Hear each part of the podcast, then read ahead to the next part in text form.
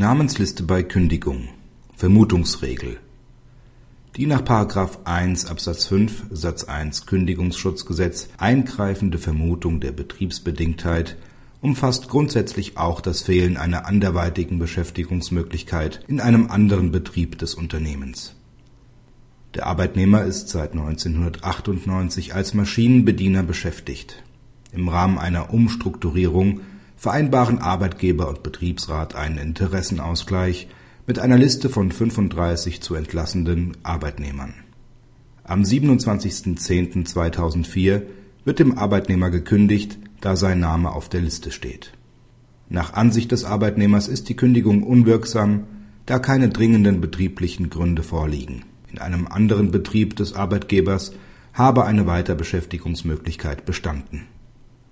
Die Vermutungswirkung des § 1 Absatz 5 Satz 1 Kündigungsschutzgesetz, der im Übrigen verfassungswidrig sei, erstrecke sich nicht auf das Fehlen freier Arbeitsplätze in einem anderen Betrieb des Unternehmens.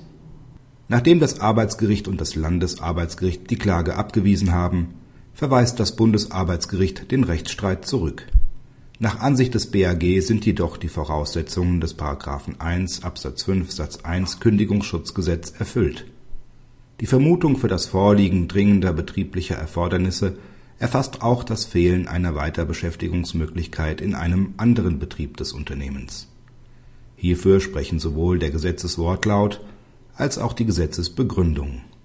Voraussetzung für die weitreichende Vermutungswirkung ist jedoch, dass eine Prüfung von Weiterbeschäftigungsmöglichkeiten in anderen Betrieben des Arbeitgebers durch die Betriebsparteien auch tatsächlich stattgefunden hat Trägt der Arbeitnehmer konkrete Anhaltspunkte für eine solche Weiterbeschäftigungsmöglichkeit vor, muss der Arbeitgeber darlegen und beweisen, dass sich die Betriebsparteien mit der Frage der Weiterbeschäftigungsmöglichkeit in anderen Betrieben beschäftigt haben.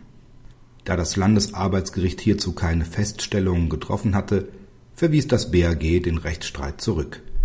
An der Verfassungsmäßigkeit von § 1 Absatz 5 Kündigungsschutzgesetz zweifelte das BAG nicht Praxishinweis Mit seiner Entscheidung stellt das BAG klar, dass die Vermutungsregel in § 1 Absatz 5 Kündigungsschutzgesetz auch das Fehlen einer anderweitigen Beschäftigungsmöglichkeit in einem anderen Betrieb des Unternehmens umfasst.